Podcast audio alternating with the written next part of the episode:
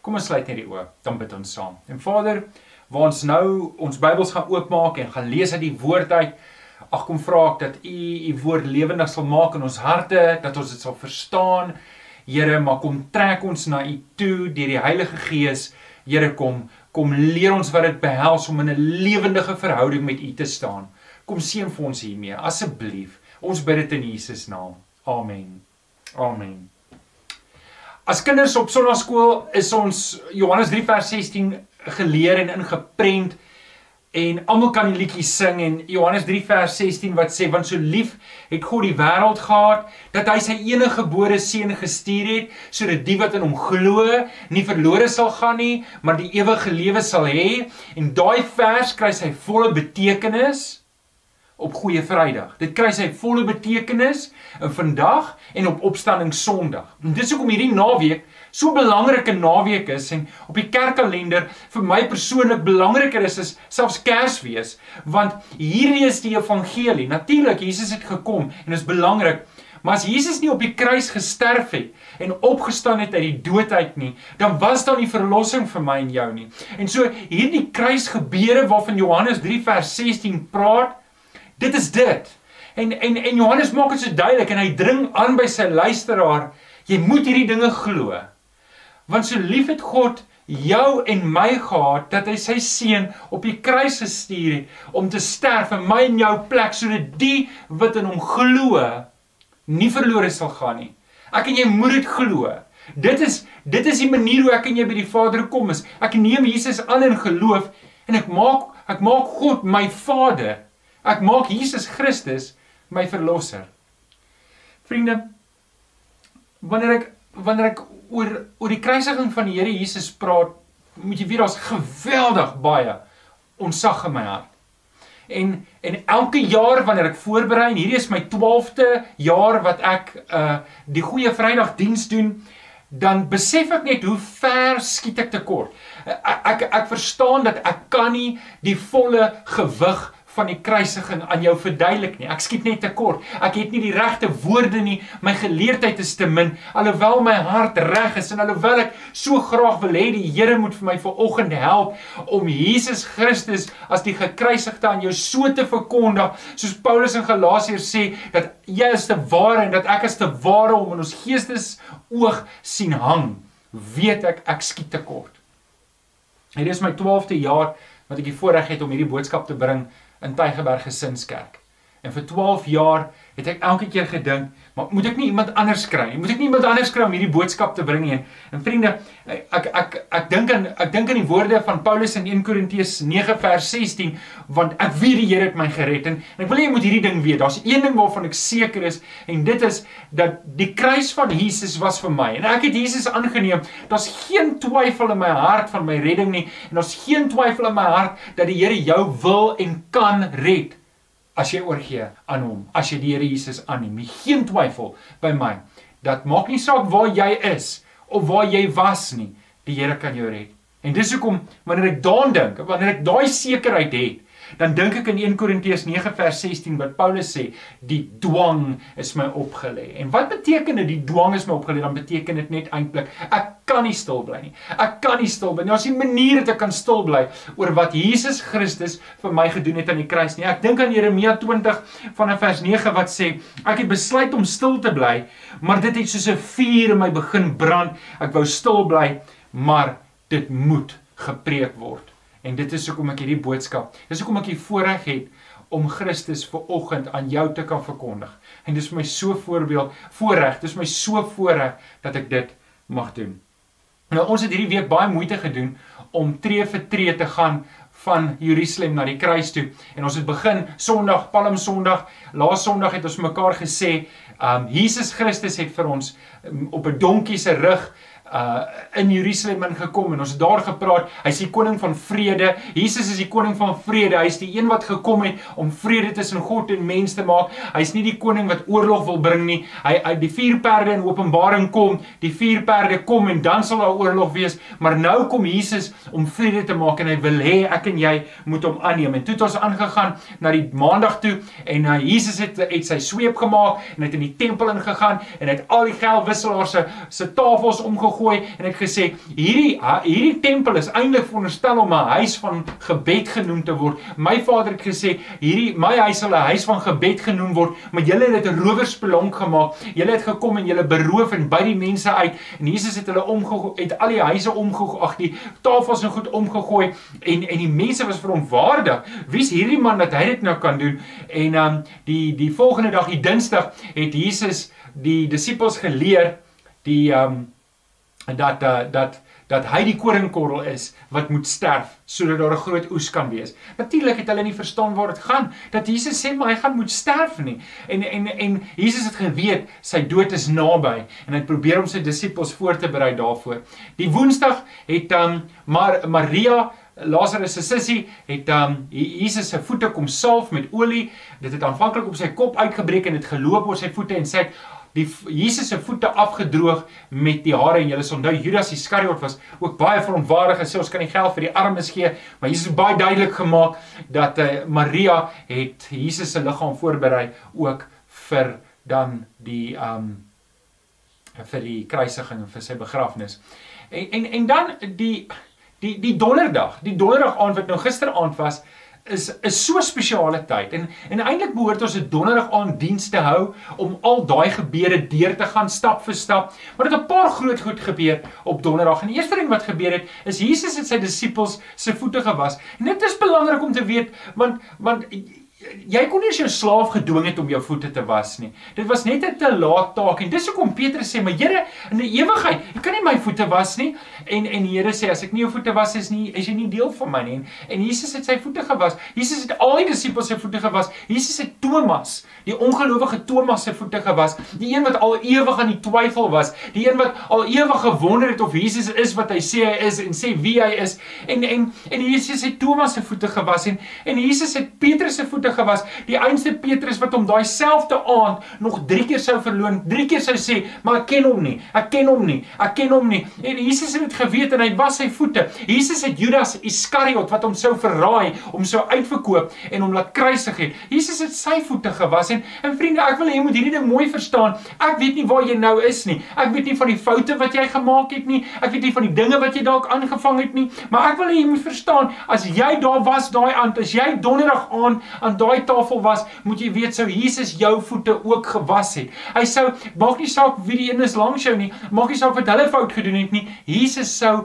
daai persoon se voete gewas het, want dis die aard, dis die gesindheid van die Here Jesus. Onthou, hy het nie op die kruis gaan sterf om mense te oordeel nie. Hy het op die kruis gaan sterf om redding moontlik te maak en dis die Here se hart en daarna het hy die nagmaal ingestel, ook wat ons nou-nou gaan gebruik Het die nagmaal ingestel en en met die instel van die nagmaal het hy vir Thomas bedien. Hy het vir Petrus bedien en hy het selfs vir Judas Iskariot bedien met die nagmaal. En en dis kosbare oomblikke wat ek en jy aan moet vashou. En daarna het hy het hy gegaan na die tuin van Getsemane en hy het sy drie naaste disippels saamgevat vir Petrus, Johannes en Jakobus en hy het gaan bid en hy het gaan pleit by die Vader. Vader, as dit as dit enigstens moontlik is, laat hierdie lydingsbeker, laat laat die kruis, laat die kruis verbygaan. As dit enigstens moontlik is, laat die kruis verbygaan. Jesus het geweet wat vir hom wag. Ons sê hy was so benoud, hy was doodsbenoud dat die sweet soos bloeddruppels van sy kop af gedrup het. En en, en dit is doodsbenoud wees en en hy en hy het hierdie gebed gebid en dis vir ons die voorbeeld want as Jesus daardie gebedsversoek gekry het van die Vader, dan het ons nie 'n redder gehad nie. Hy het gesê nogtans Vader, laat U wil geskied. Nie my wil nie nie my wil nie en hy het aangegaan.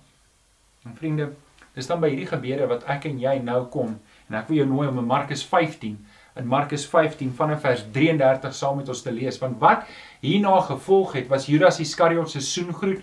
Jesus word verraai. Jesus word voor die Joodse voor Kajafas word hy skuldig bevind. Hy word ver, verwys na Herodes toe en toe na Pilatus toe. Pilatus het hom toe maar oorgegee aan die Jode en en die Vrydag waarop ons nou is, die Vrydagoggend het alle chaos en alle hel losgebars.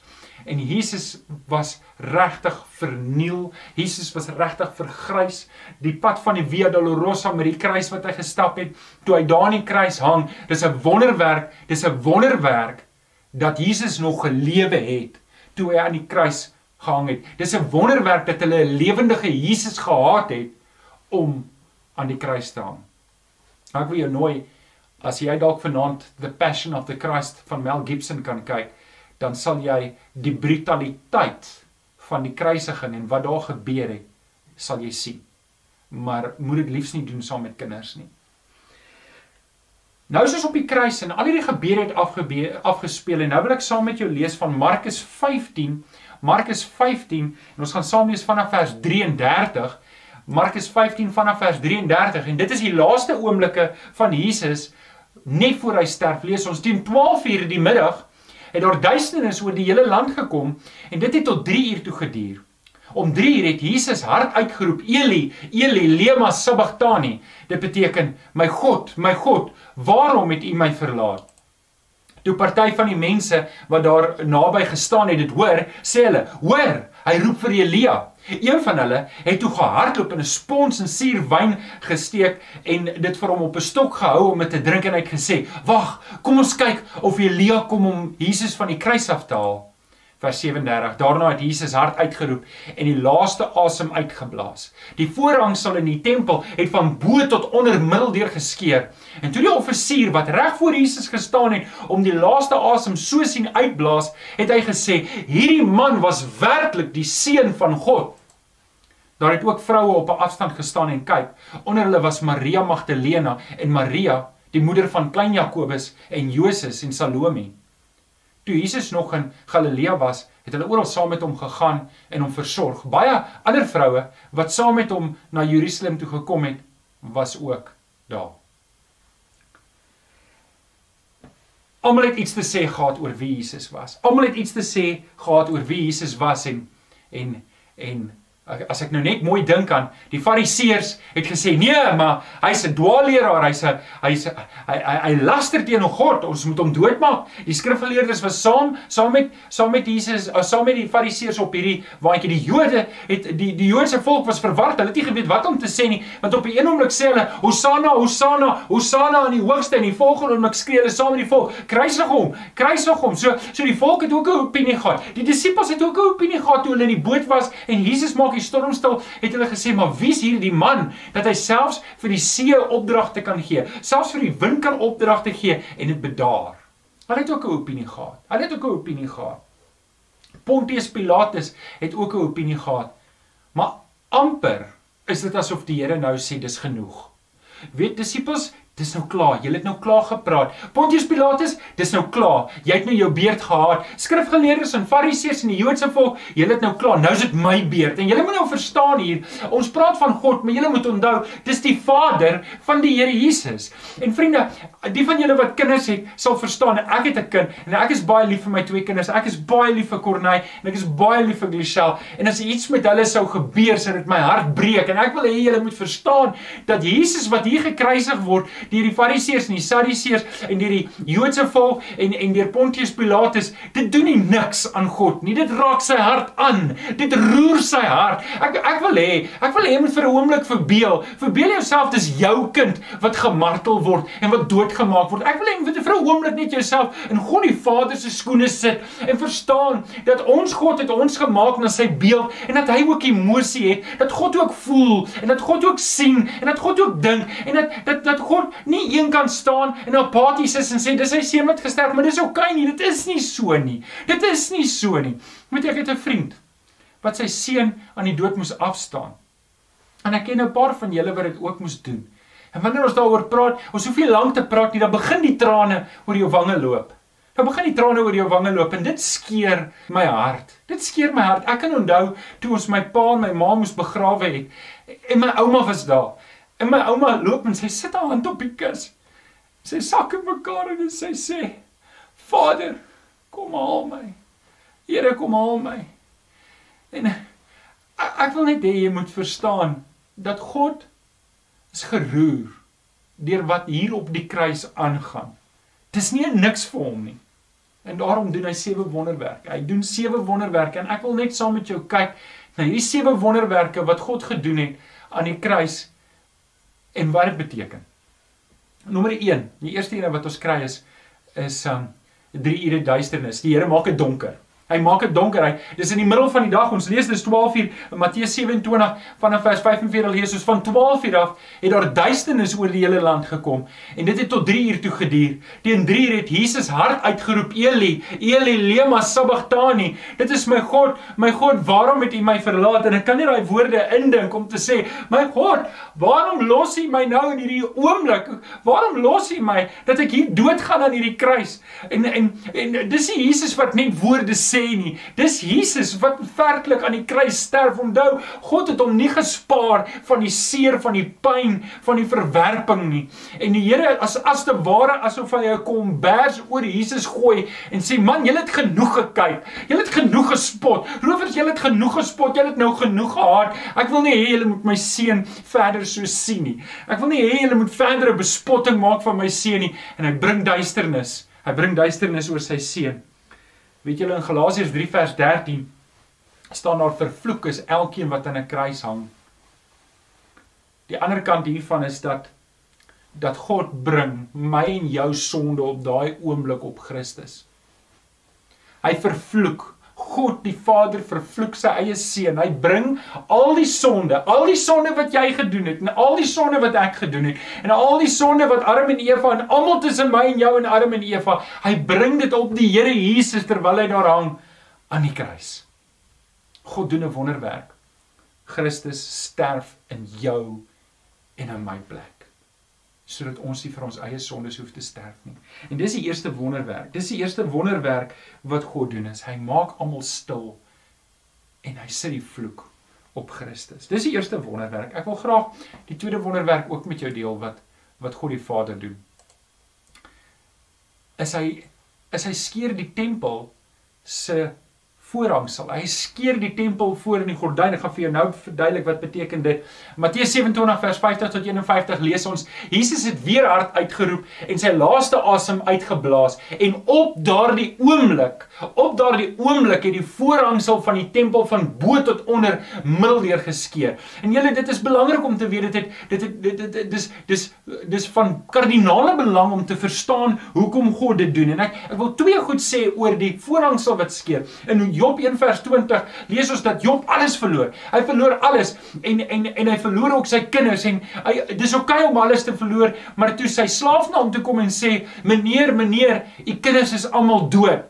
Wat is die eerste ding wat hy doen is hy vat sy klere en hy skeer dit Want sien om jou klere te skeer in daai tyd was was 'n uiterlike teken van wat in jou hart aangaan. Binnekant is jy geskeur, binnekant is jy gebreek om te hoor dat jou kind dood is en is as te ware asof God sy eie kleed skeur. Want onthou die voorhangsel in die tempel was tussen die allerheiligste en die heiligste en die hoofpriester mag net een keer 'n jaar mag hy daardeur gegaan het om 'n ontmoeting met God te hê, om 'n offer te bring vir die volk en God skeer hierdie skeer hierdie gordyn van bo, hy skeer hierdie kleed van bo na onder oop en hy sê ek skeer my klere. Ek is geskeer. Ek is hartseer. Hierdie kruis roer my. Hierdie kruis raak my aan. Ek staan nie eenkant nie, ek staan nie ver en dit beteken vir my niks nie. Hierdie ding moet my en jou hart ook aangryp dat God skeer sy klere. Maar ons nog 'n ding en dit is Hierdie hierdie tempelkleed wat van bo na onder skeer. Onthou, dis God wat dit doen. Dis nie 'n mens wat dit doen nie. Dis God wat dit doen en dit dui ook op 'n hele nuwe bedeling wat be, be, begin. Want sien, in die Ou Testament moes hulle offers bring. Hulle moes offers bring om om vir God jammer te sê vir hulle sonde, maar nou is die finale offer klaar gebring. Christus het sy laaste asem uitgeblaas en het gesterf en is dood. Die offer wat moes kom, die lam, die perfekte lam wat moes sterf, het gesterf op die altaar en die altaar is nie 'n klipaltaar nie. Dis 'n kruisaltaar waarop die vloek van al die mense van al die eeue eeue wat was en wat nog moet kom net daar hang en God skeer hierdie voorhangsel om te sê ek sal my eie offer bring sodat geen mens ooit weer 'n offer hoef te bring nie. God begin hierdie nuwe hoofstuk so en dan doen hy 'n derde, hy doen 'n derde wonderwerk. Hy doen 'n derde onthou nou wat ek vir jou probeer sê, dis dis God wat praat. Dis God wat praat. Dis dis God wat sy seun sien sterf en hy het iets te sê. En en dis waar hierdie wonderwerke gaan. Dis God wat iets wil sê. En en ons moet luister wanneer God praat. Ons moet luister na hierdie wonderwerke. Die derde ding wat hy doen is hy gee 'n aardbewing. In Matteus in Matteus 21 In Matteus 27 vers 51 lees ons Matteus 27 vers 51 die aarde het geskit en die rotse het uitmekaar uit gebars. En en en hier is 'n groot wonderwerk wat gebeur want dis dis die duisternis dit is dit is die voorhangsel wat skeur en dis die aarde wat begin bewe. En ek kan dink die mense moet wonder maar wat gaan nou aan? Wat gaan nou hier om ons aan? Hoekom bewe die aarde? Hoekom hoekom is dit skielik donker? Hier's mos nou iets wat gebeur. Iets is besig om iemand is besig met ons te praat God die Vader is besig om te praat hy's besig om iets te sê nou vriende wat ons ook in die Ou Testament baie keer lees is dat daar met die voete gestamp word, dat daar met die voete gestamp word wanneer mense ongelukkig is en ontevrede is, wanneer dinge gebeur wat nie reg is nie, dan stamp die mense hulle voete. En net so, dis amper amper dit staan nie hier nie, maar dis amper asof die Here sy voete stamp en sê maar hoorie, ek is ongelukkig oor wat hier gebeur. Dis nie reg wat hier gebeur nie. En die, en die aarde skud en die, en en en hierdie en, en sien want die fariseërs, hulle het nou klaar gesê wat hulle moes sê. En die volk het nou klaar in Pontius en die disippels en almal, die die rowers wat langs Jesus hang, hulle het klaar nou gesê, nou praat God en hy die aarde om te sê hierdie is iets, hier gebeur iets. Dis my seun wat hier hang, dis my seun wat hier sterf. sien daar's nog nooit 'n mens wat gesterf het dat God die aarde geruk het nie. Maar God ruk die aarde toe sy seun sterf. Hy sy laaste asem uitblaas. God bring duisternis oor die aarde. God skeer die voorhangsel en God skud die aarde en daar gebeur 'n vierde wonderwerk. En dit is die grafte gaan oop. Die grafte gaan oop. Matteus 27 vers 52 lees ons lees ons die grafte bars oop. En um en en en dit is 'n belangrike ding om te weet. Is 'n belangrike ding om te weet. En kom ek sê vir julle hoekom dit belangrik is.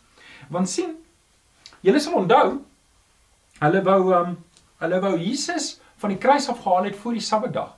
Dit was die Vrydag en die Sabbat is van Vrydag aand son onder tot Saterdag aand son onder. Dis die Sabbat En uh, dis 'n Vrydagmiddag 12:00 Jesus is nou gekruisig hier tussen 12 en 3. 3 het hy nou sy laaste asem uitgeblaas. Julle kry nou die tyd. En um en nou wil hulle eintlik maar hierdie ding moet nou verbygaan. Hierdie ding moet nou vinnig verbygaan want um Jesus moet nou en die drie rowers moet nou afgehaal word want hulle wil nie hê dis Paasfees. Hulle wil ook nie hê die die die liggame moet daar hang vir die hele Paasnaweek nie. So die liggame moet nou afkom want môre is Sabbat en niemand mag enige werk doen nie.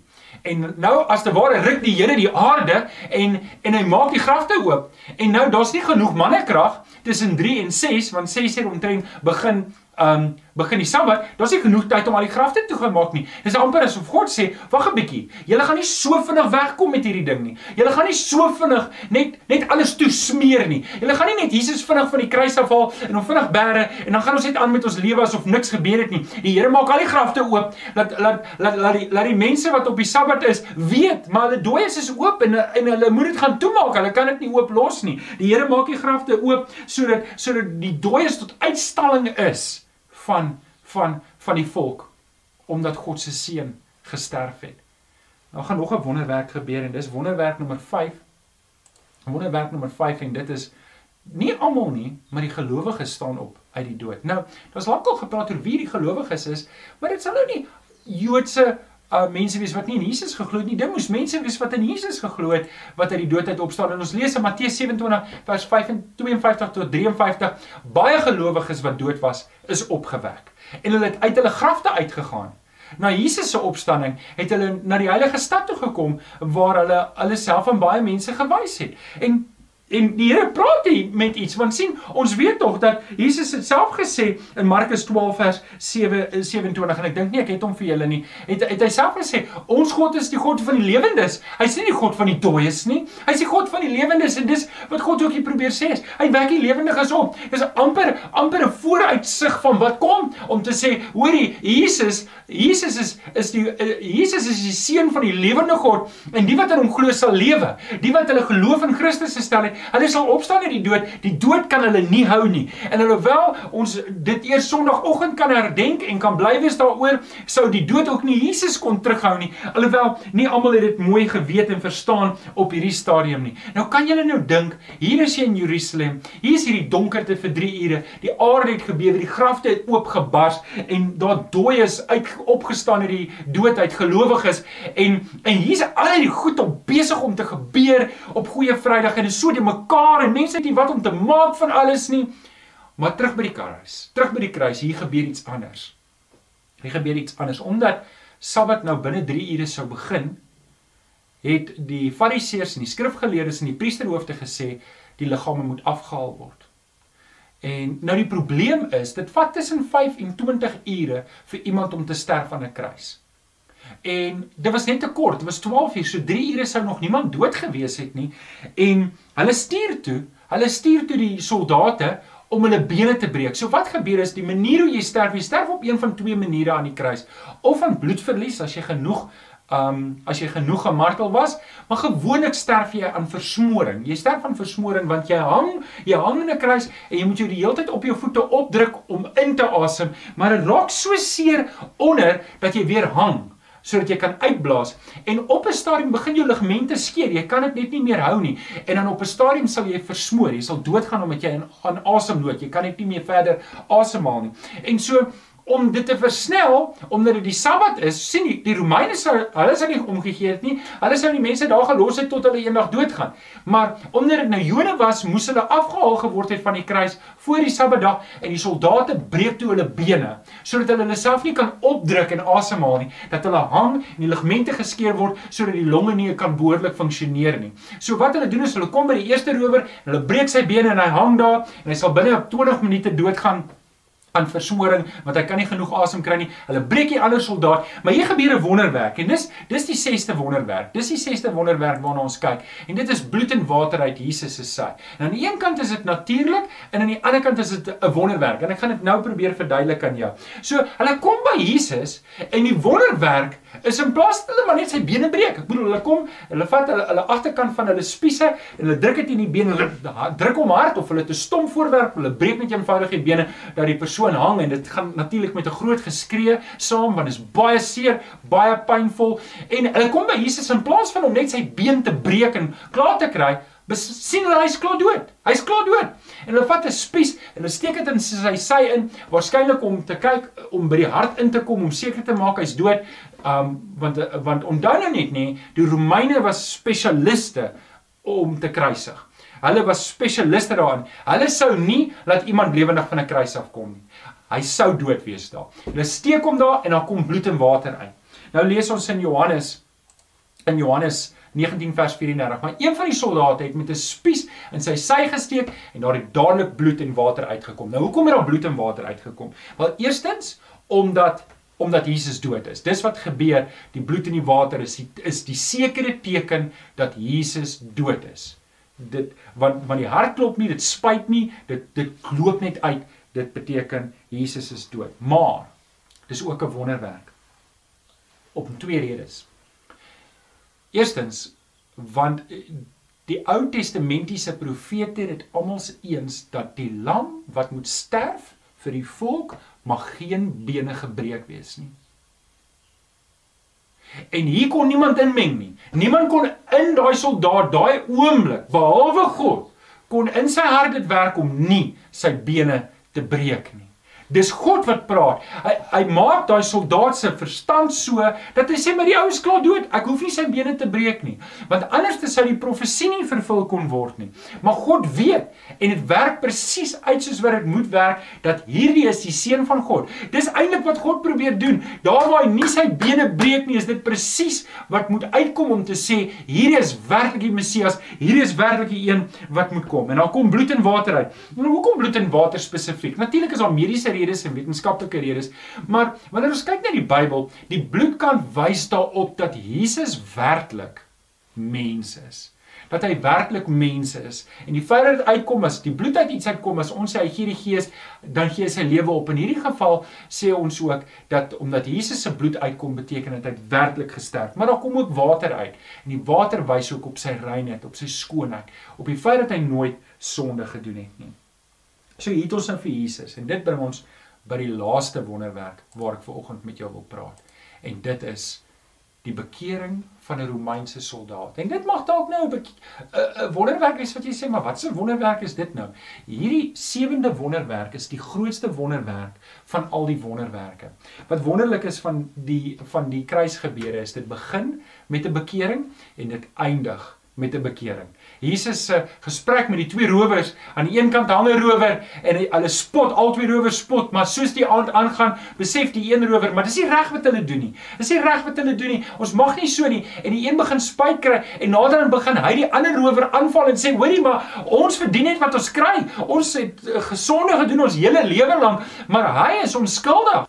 En en hy kyk na Jesus en ek kan net dink aan my gees is hoe Jesus vir hom kyk en hy sê: "Here, onthou my as jy in die koninkryk ingaan."